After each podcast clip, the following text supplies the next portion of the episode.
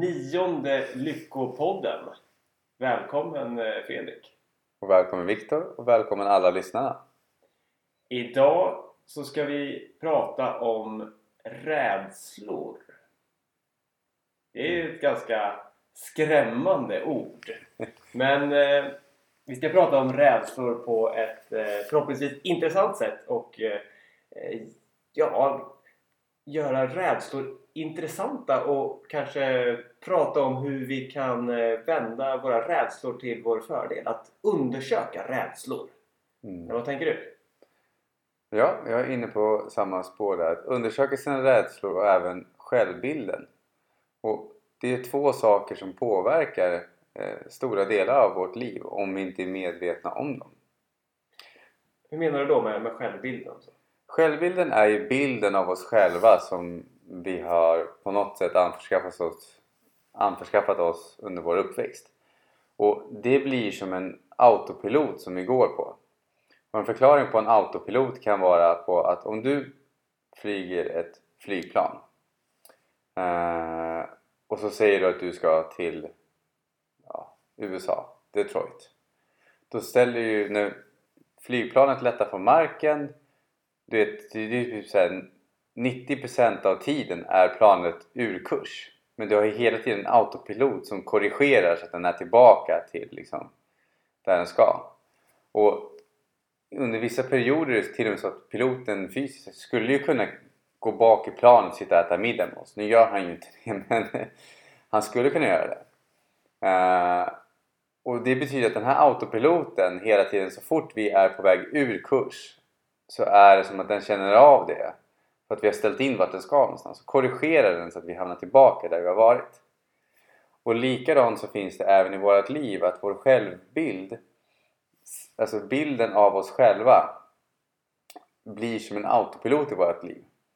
Det är att om vi bara utmanar oss själva lite grann då och då och kanske försöker tillfälligt hitta nya lösningar då, är det, då kommer autopiloten på om man inte förändrar sin syn, sitt sätt att se på sig själv. Då kommer autopiloten kliva in och korrigera som att oj oj, nu var du på väg till att få det bättre här men du, din bild av dig själv det är ju att det ska ju inte vara så bra. Vet. Nu gick det lite för fort här liksom. Uh, och därför kan vissa självsabotera för sig själva. För att det går för bra för fort. Mm. När du berättar det, då ser jag framför mig en annan liknelse som att det skulle kunna vara att, att livet är som en enda lång korridor. Och den här korridoren är vår komfortzon.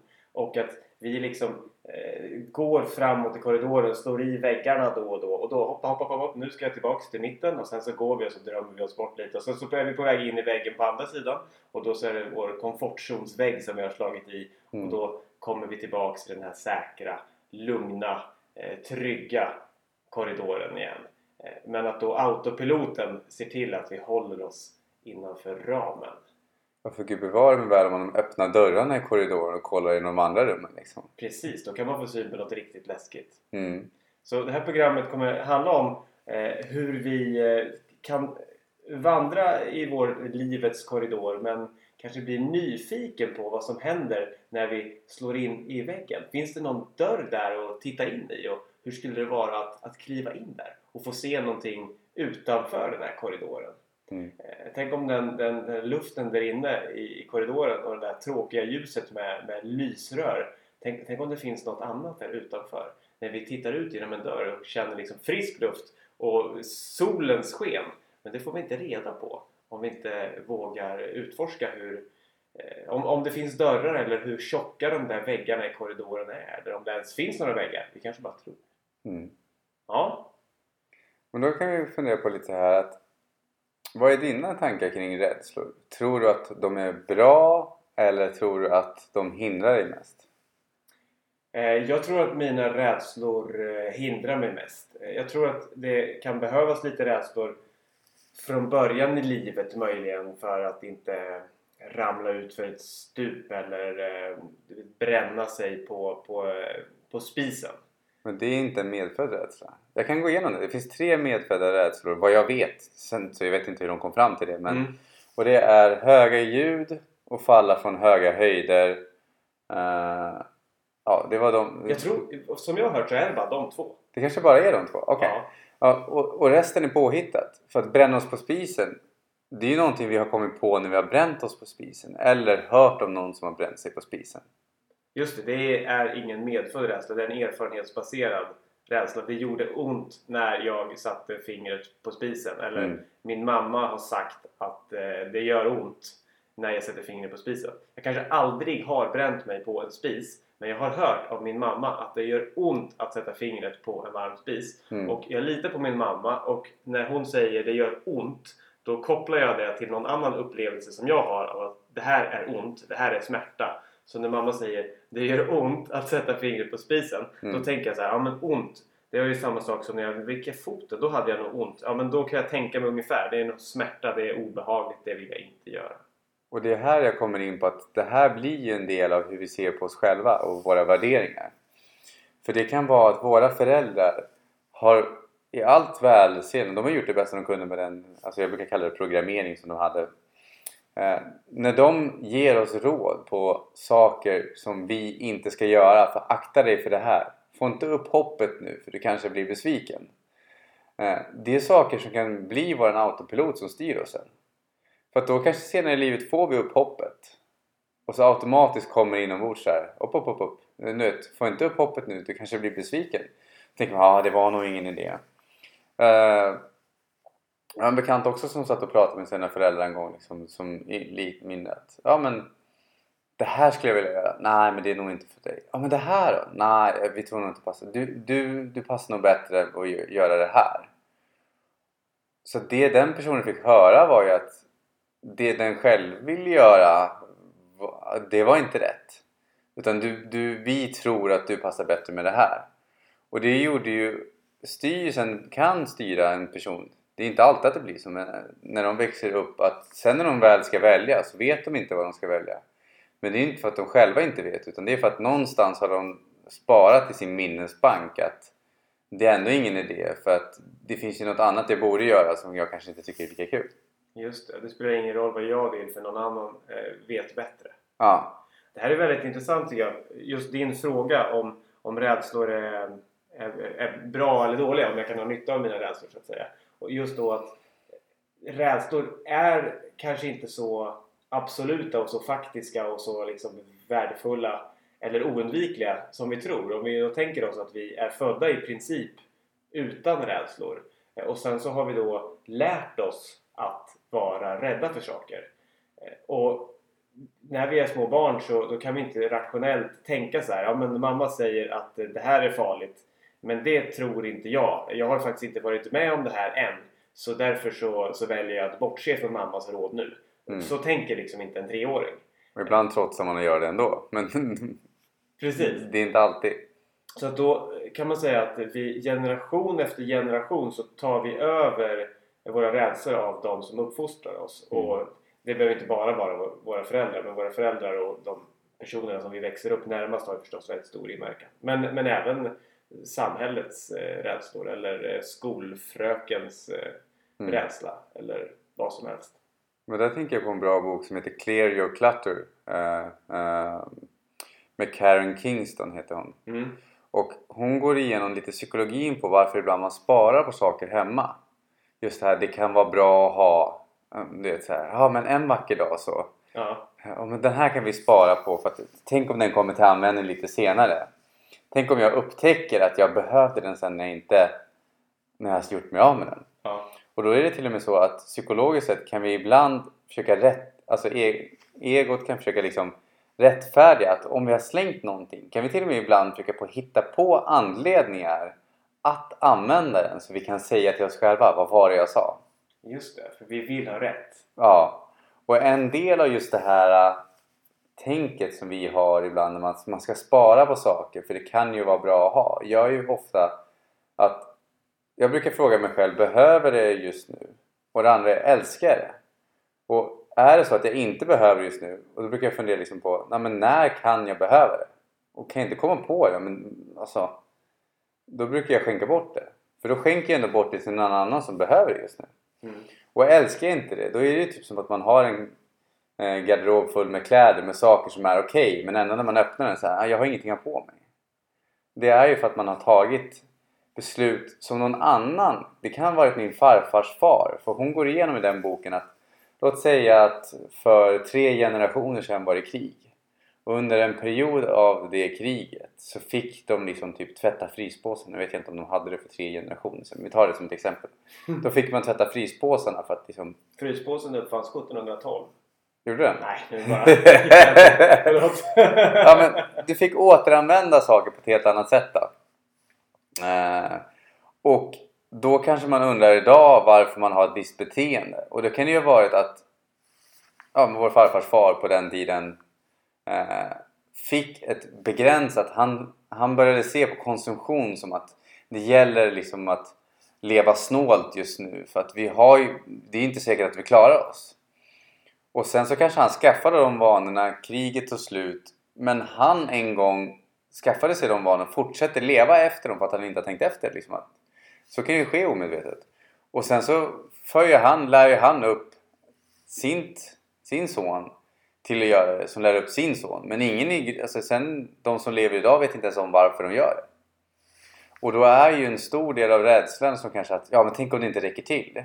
Det kanske inte ens är våra rädslor. Det är någon gammal släktings rädsla som har liksom ärvt genom beteenden. Och, Mm. Och då blir det också väldigt tydligt att vi är inte våra rädslor. För våra rädslor är någonting som vi har fått inlärt. Och vi kan inte vara någonting som vi har fått inlärt. Mm. Skulle man kunna säga så här då? Eh, en rädsla är en föreställning om att någonting kommer vara negativt för mig. ja. Och det kan vi kanske inte egentligen veta om, om, om jag... Många är rädda för, det är en vanlig sån, att, att prata inför människor. Att hålla ett, eh, ett föredrag eller en presentation. Eh, Det använder man ibland i psykologiska tester som en, en typisk eh, faktor för att människor ska få stresspåslag. Det är Mm. någonting som vi ofta oroar oss inför. Så att om jag är rädd för att hålla en presentation på mitt jobb då är frågan alltså, vad, vad är den rädslan? Vad går det ut på? Jo, det är att jag har en tanke om att det kommer att vara farligt eller läskigt eller att jag kommer att skämma ut mig. Eh, och den här rädslan handlar ju om vad som ska hända imorgon då exempelvis. Imorgon ska jag ha en presentation. Och imorgon har ju faktiskt inte inträffat än. Så egentligen så är det ju bara att mina tankar om vad som skulle kunna inträffa Mm. som, som gör mig rädd. Och vad baserar jag då mina tankar på om vad som skulle kunna inträffa? Jo, jag baserar det på antingen någonting som jag har varit med om. Eh, För två år sedan så höll jag ett, eh, en presentation inför några och då kände jag hur pulsen slog och jag var nervös. Och nu är jag rädd att det ska...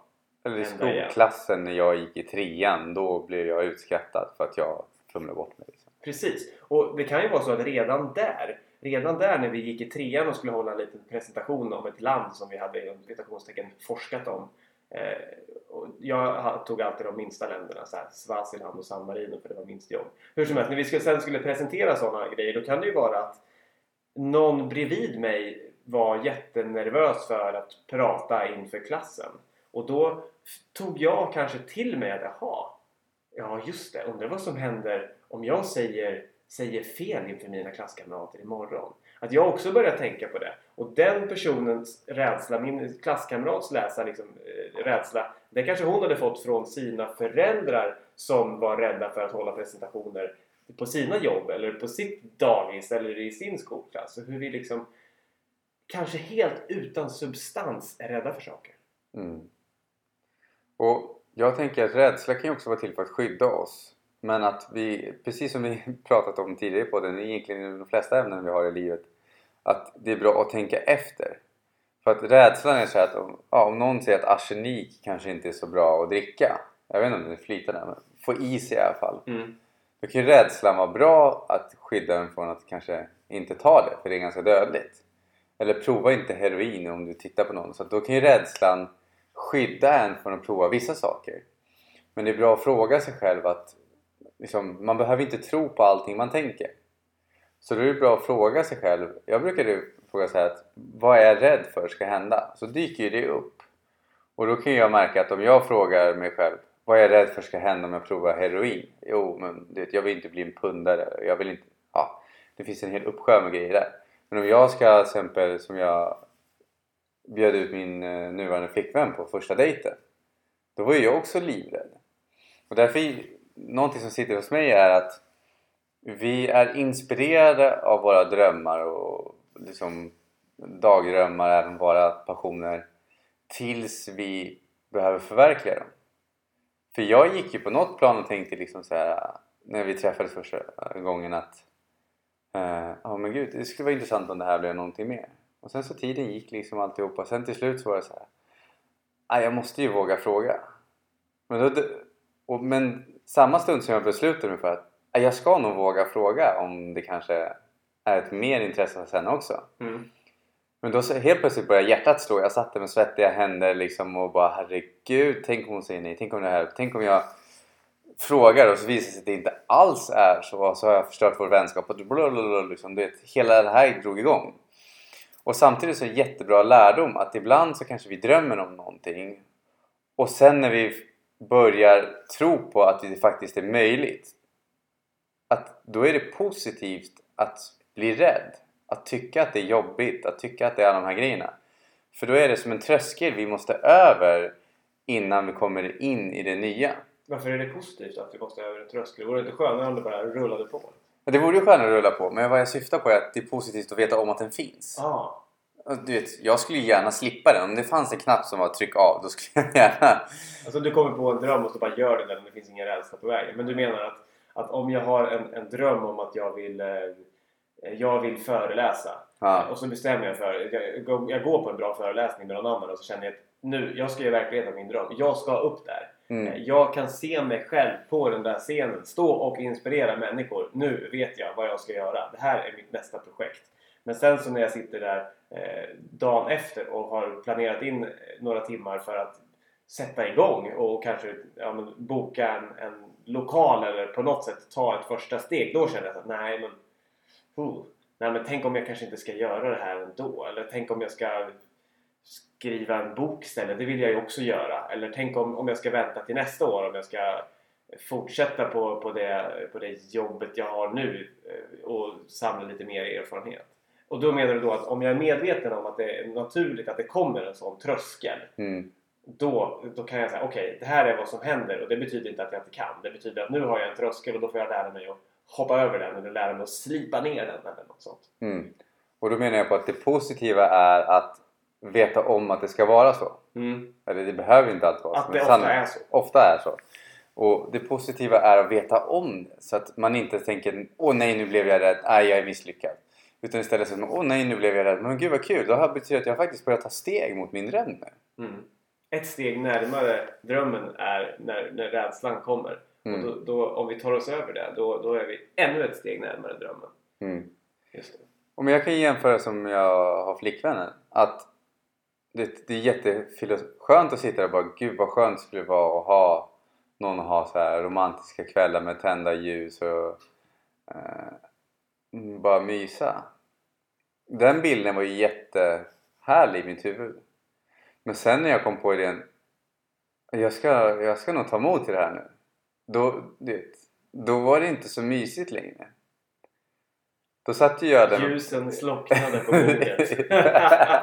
ja, för då kom ju rädslan. Men herregud, hur ska det här gå? Hela den här grejen. Den sköna filten som ni satt och myste under i- soffan försvann. Blåste ut genom fönstret och det var korsdrag. Ja, ja, ja, jajamensan. Och sen våga göra det ändå. Det är en del av grejen liksom att...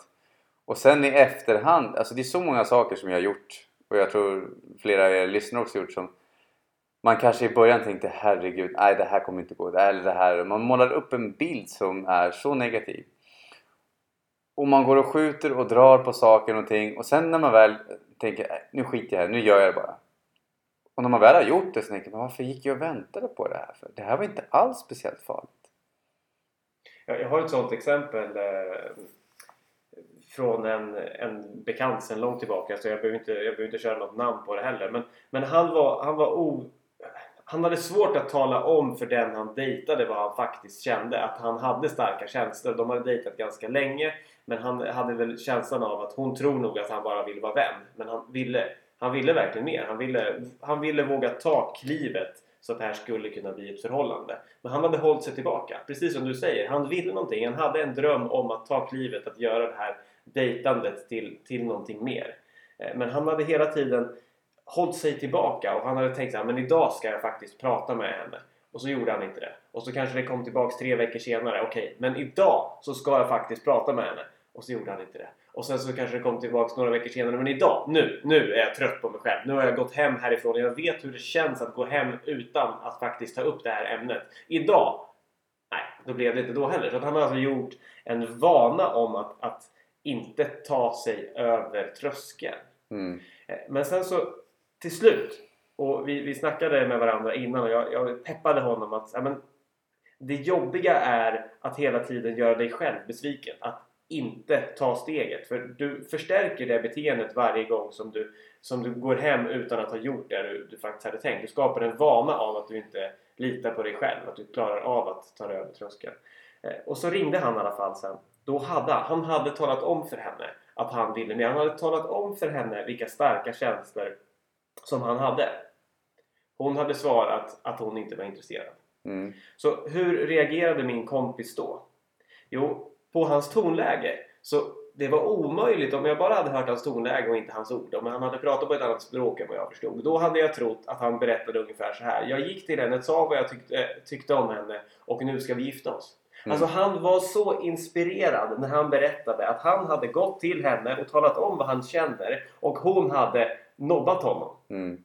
Eller hon hade sagt då att jag, jag känner inte så. Men han var så upprymd för att han hade talat om det han kände. Mm. Det spelade liksom faktiskt ingen roll ens att, att det inte blev någonting. För att han hade brutit sitt mönster och han fick en sån energikick av att göra det. Och det här exemplet tar jag för att vi pratar här om rädslor och rädslor finns och så säger vi att det är bra att ta sig över det och, och vi, ta oss över tröskeln och sådär. Så- Men varför ska vi ta oss över tröskeln? Jo, för när vi tar oss över tröskeln då får vi en belöning. Vi växer, så det vet vi alla. Vi har våra egna exempel på när vi faktiskt har gjort någonting som vi varit rädda för. Och du har ju också ett exempel med din flickvän. Ni är ju tillsammans idag. Mm. Eh, Så du tog dig över rädslan. Och vad händer då? Hur känns det när vi besegrar en rädsla? Det är där den riktiga motivationen ligger, tänker jag. Hur känns det när vi kliver över? Hur känns det när vi hoppar ut från flygplanet? Vi har bestämt oss för att vi ska hoppa fallskärm, men när vi väl är uppe i luften så är vi livrädda. Mm. Men hur kändes det efteråt? Hur kändes det i luften? Hur var det att ringa alla och berätta? Jo, vet du vad jag har gjort? Jo, jag tog mig igenom det här och äntligen. Mm. Där ligger motivationen, tror jag. Ja, och jag tänker ju också att när vi går och är rädda att någon ska bli besviken för att, eller att vi ska få nej. Vad många inte tänker på är att då har vi fått nej kanske tusen gånger på vägen. För var, det är inte bara gångerna, låt säga som du hade din kompis här. Varje gång han gick dit och sen gick därifrån. Då, sa han ju, då spelade han upp ett scenario och känslan av att få nej. Eh, och det var ju inte bara då de gångerna. Förmodligen har ju han tänkt på henne mer än just de gångerna han gick fram och tillbaka. När han varit på väg till jobbet eller under dagen och alla de här grejerna och målar upp scenariot av Nej, det kanske inte blir någonting. Nej, det kanske inte blir någonting. Det är ju en negativ känsla som man får återuppleva om och om och om och om igen. Och den blir han fri från när han väl fått det. Hon är åtminstone snäll och säger nej en gång. Men han har gjort det tusen gånger för sig själv. Även om han inte gjort det tusen, han har gjort det fler gånger än en i alla fall. Förmodligen alla gånger han inte har tagit det steget. Mm. Just det, han, han, blir, han blir fri från sitt eget liksom, fängelse. Just det där ordet att, att bli fri från sin rädsla. Jag tänker att, att vara fri, det är att liksom det skulle kunna vara synonymt med att vara öppen, att öppna upp sig, att, att öppna upp sig för livet. Om, bara känn på, känn på energin i, om jag säger så här. Eh, kan jag få en glass? Bara, nej. Nej. Nej. Jag kan nästan se framför mig liksom hur den här energin i ordet nej sluter ihop sig. Nej. Eh, får jag ge dig en kram? Nej. Ditt kroppsspråk då, när du säger nej, kommer liksom vara kanske skydda dig med händerna eller krypa ihop, dra ihop axlarna. Liksom. Om jag säger, får jag ge dig en kram Fredrik? Om du då verkligen vill det, så bara ja! Och det det är nästan så att när jag, när jag beskriver det här nu så mina händer öppnas. Min famn öppnas för en kram när jag säger ja, ja. Att energin i ja är en öppnande energi. Energin i, eller energi kan vara ett trummigt ord men säg känslan liksom. Eller vad, vad, vad du får för tanke genom nej, nej, nej, nej, nej, nej, nej, nej, nej. För mig är det bara hopdragande. Ja, ja, ja. Då öppnar det sig. Så att friheten att bli fri från sin instängning och expandera utåt. Det är för mig att, eh, att, liksom belöningen i att komma över en rädsla. Det är en kick. Mm. Och precis som med allt annat så kan vi göra en vana. Vi kan bli nästan beroende av, på ett positivt sätt skulle jag säga då, eh, att eh, möta våra rädslor, att konfrontera våra rädslor för att vi kan känna kicken av att växa och bli större. Och där tänker jag på en studie som gjordes någon gång. Jag kommer inte ihåg exakt hur det var. Men då var de, hjälpte de äh, människor som hade så extrema fobier för liksom, spindlar och ormar och sådana här saker. Nu snackar vi om människor som typ om de såg en orm på 200 meters håll så fick de kallsvettningar liksom. Och, um, och så un undersökte de och så hjälpte de med olika metoder de här personerna att bli av med sina fobier. Genom att liksom utmana sina rädslor och övervinna dem. Mm. Och där tänker jag själv att det går att bli helt fri från rädsla. Och det är att du är livrädd och du skiter i det. Du gör det ändå tills du har blivit van och då är du fri. Precis, ja, jättebra. Jag, uh, men jag ska tillbaka, tillbaka ja, till... till jag blir så ivrig. Fortsätt! Ja men i den här, det som de upptäckte som var så häftigt när de hjälpte folk överkomma sina största rädslor. Det var ju att efter ett halvår, ett år så kom de tillbaka och så skulle de fråga och intervjua hur har det gått? Har fobierna kommit tillbaka? Hur ser ditt liv ut? Vad har hänt? Liksom. Och då kunde det vara som en kvinna. Liksom. Hon hade, jag, tror, ja, jag kommer inte ihåg om det var orm eller spindelfobi, men säg spindelfobi då. Och då hade hon varit så livrädd från spindlar liksom, så att, ja, herre min gud. Eh, och då frågar de efter ett halvår, ett år när de har kommit tillbaka. Hur går det för dig? Liksom, hur har det gått med behandlingen? Har fobin kommit tillbaka? Nej det har den inte. Okej okay, men vad, hur ser ditt liv ut då? Ja men du vet den här gamla gubben jag hade innan. Jag tyckte ändå inte om honom. Han har åkt ut nu. Och jag har flyttat och jag har bytt jobb och jag har rest och du vet, jag har gjort alla möjliga grejer. Så att hon hade förändrat hela sitt liv. Men för henne var det som en positiv spiral. För att hon hade liksom hon hade varit rädd för att vara ensam så hon hade velat lämna sin gubbe i flera år. Men hon hade aldrig vågat ta steget. För hon var mer rädd för det okända än det kända som hon inte tyckte om. Mm. Men hon övervann en av sina största rädslor då. Det kanske inte var den största men det blir en positiv spiral av att man vill övervinna fler och fler och fler. Så det som hade hänt när hon övervann sin spindelfobi det var ju att hon fick ju frigjort så mycket energi att hon började ta tag i mannen och jobbet och resor. Alltså flera av sina drömmar hade hon börjat jobba mot att förverkliga. För hon märkte den kicken och energin gav mer energi till att övervinna nästa rädsla. Just det, för, att, för det är samma mekanism, samma energifrigörelse som det blir av att eh, bli av med en rädsla gäller alla rädslor egentligen. Och då, då tänker jag gå tillbaka så blir liksom en helhet där och cirkeln sluts lite grann. I början så pratar vi om att vi, vi föds i princip utan rädslor och sen så går det till så att vi lär, lärs, lär oss att vara rädda. Och vi lär oss att vara rädda, det är liksom samma mekanism oavsett om jag lär mig att vara rädd för, för plattan eller för att prata med främlingar eller för att våga göra någonting jag inte har gjort förut. Det är samma sätt som en rädsla skapas på. Och på samma sätt så är det samma sätt som en alla rädslor löses upp på samma sätt också. Så vi kan, när vi föds så lär vi oss en, en massa rädslor och sen när vi börjar att gå emot dem och konfrontera dem och komma över dem då kan du få den här härliga liksom, spin-offen, spiraleffekten där vi får lust att lösa upp rädsla mm. efter rädsla efter rädsla och då kan vi bli som den här kvinnan som helt plötsligt vågar göra vad hon vill för hon öppnar sig. Ja, men jag tror också det här att när vi gör någonting då får vi gjort Alltså låt säga när hon övervann den rädslan då fick ju hon energi till att ta tag i en annan rädsla. Och då fick ju hon ännu mer energi till att ta tag i en ännu större rädsla. Och sen så, jag kan ju tänka mig att skilja sig från sin man kanske inte var det lättaste. Men då hade ju hon byggt upp en energidepå av både självförtroende och energifrigörelse att orka ta tag i den rädslan. Men det kanske inte är den hon skulle ha börjat med. Men att man tar... Om du börjar med en liten rädsla och övervinner den, då får du energin till att övervinna en större rädsla som ger dig energin till att övervinna en större rädsla. Och så kan du växa som en positiv spiral uppåt. Just det. Jag, jag, jag känner igen det här själv också. Att, att den här kicken av att en rädsla blir löst och så, så vill man eh, lösa en till. Och också att bli inspirerad av andra som, som möter sina rädslor. Jag, jag var på ett, ett möte häromdagen så var det en, en kompis som, eh, som berättade om hon hade fått mycket ar nya arbetsuppgifter och eh, stort ansvar. Och eh, hon, hon tog sig ur komfortzonen som hon berättade. Att nu, jag vill göra det här, jag vill växa, jag vet att jag klarar av det.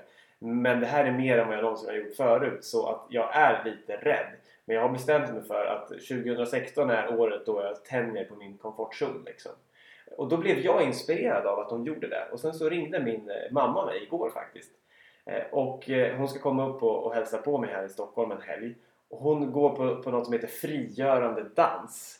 Eh, och, och det, jag har ju aldrig varit på det så det skulle egentligen hon berätta mer om. Men det, det, det, kan vara att man dansar till, till musik och eh, rör sig i ett rum precis så som man ska försöka lyssna till kroppen. Så som kroppen vill göra. Oavsett om, om man får lust att lägga sig och kråla som en mask på golvet så ska man liksom våga göra det trots att det är människor runt om och sådär. Och just dans, jag har varit lite så att jag är inte helt bekväm i att dansa inför, inför andra människor. Alltså jag har gjort det massor av gånger men inte så här släppa loss. Eh, där har jag någon, någon, någon, blockering. Jag tycker väl att jag, jag har liksom någon bild sen gammalt att jag inte är bra på det och jag gillar inte att göra saker som jag inte är bra på. Mm. Därför har jag liksom alltid hittat argument till att men jag, alla måste inte tycka att det är kul att dansa. Sluta tjata på mig liksom.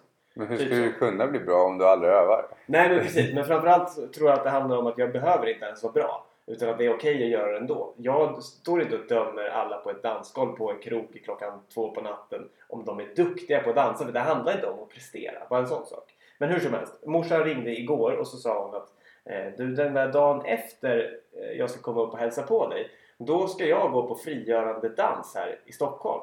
Eh, vill du följa med? Och då kände jag direkt såhär bara, det, det är, ju, är det något jag inte vill så är det att gå på frigörande dans. Men då tänkte jag på min vän där från häromdagen som sa att 2016 ska bli ett år då jag går ur komfortzonen. Och då kände jag bara så här. Just därför så ska jag följa med. Och då tänkte jag så här, okej okay, frigörande dans. Det är lättare att möta min rädsla om någon som jag inte känner är där. Det är lättare att, att möta min rädsla om mamma inte är där. Men då sa jag att okej, okay, det vore ju lättare att gå på det här själv. Men, och, och att du är med, det gör det faktiskt ännu svårare. Och just därför ska jag gå. Så att jag, jag bokade in mig. Och, ska, och, och, nu, jag känner redan kicken. Jag ser redan fram emot det här. Så att redan där så har jag övervunnit en rädsla att, att göra det här bara för att möta min rädsla. Den här mm. spiralen, liksom, den här energin som, som frigörs. Mm. Det är häftigt. Och där tycker jag, jag brukar tänka själv så här att jag funderar på om vi ska börja avrunda lite här med att... Är du rädd för att det ska bli för långt eller? Nej men jag känner mig att det här känns som ett lagom långt avsnitt. Och lita på den känslan. Um, är att en tidigare coach lärde mig att i livet så kan föreställa dig att du har ett trafikljus framför dig. Och när du känner dig livrädd då är, det ett, då är det ett grönt ljus för att du ska köra på det. Mm.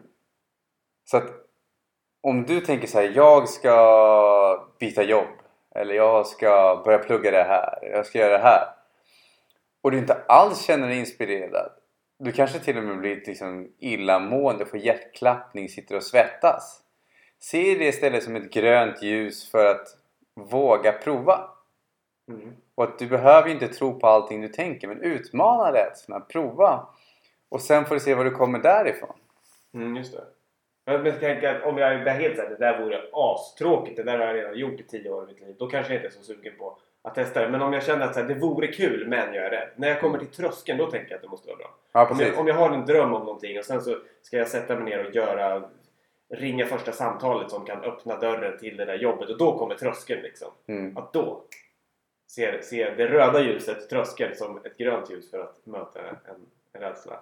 Ja, Ja. mitt, ja Och fortsätt. så jag lägga till en grej. Och det ena är att istället för att gå och fokusera på tänk om det inte går. Föreställ dig tänk om det går. Mm. Tänk om det går. Tänk om det går. Och också tänk om det går. Och tänk vad skönt det är att frigöra den här, frigöra mig från rädslan. Och skitsamma hur det går. Mm. Att så länge jag försöker så gör jag vad jag kan. Den tycker jag är bra också. Som min kompis där. Att han fick ju faktiskt nej från den här tjejen som, som inte hade de känslorna för honom. Men han var ändå eld och lågor. Så att det var inte resultatet. Det han var rädd för var typ att hon skulle säga nej kanske. Eh, men, men sen när han väl gjorde det så spelade det ingen roll. För att han tog klivet. Så om jag skulle hålla en föreläsning så, så kanske det är skitsamma om det kommer 500 eller 20 för att jag höll föreläsningen. Och då har jag kommit över min rädsla. Så mitt, mitt sista råd, allra sista, det är en, så här, en skön liknelse. Eh, om du är jagad av en hund som skäller och som nafsar och du känner hur den kommer liksom närmare och närmare och närmare och hjärtat slår och du är livrädd. Vad skulle hända om du vänder dig om och börjar jaga hunden istället? Tycker det kan få vara ett, ett slutord. Mm. Tack för, för att du har mött oss och kanske fått inspiration att möta dig själv och dina rädslor. Tack så mycket. Hej då!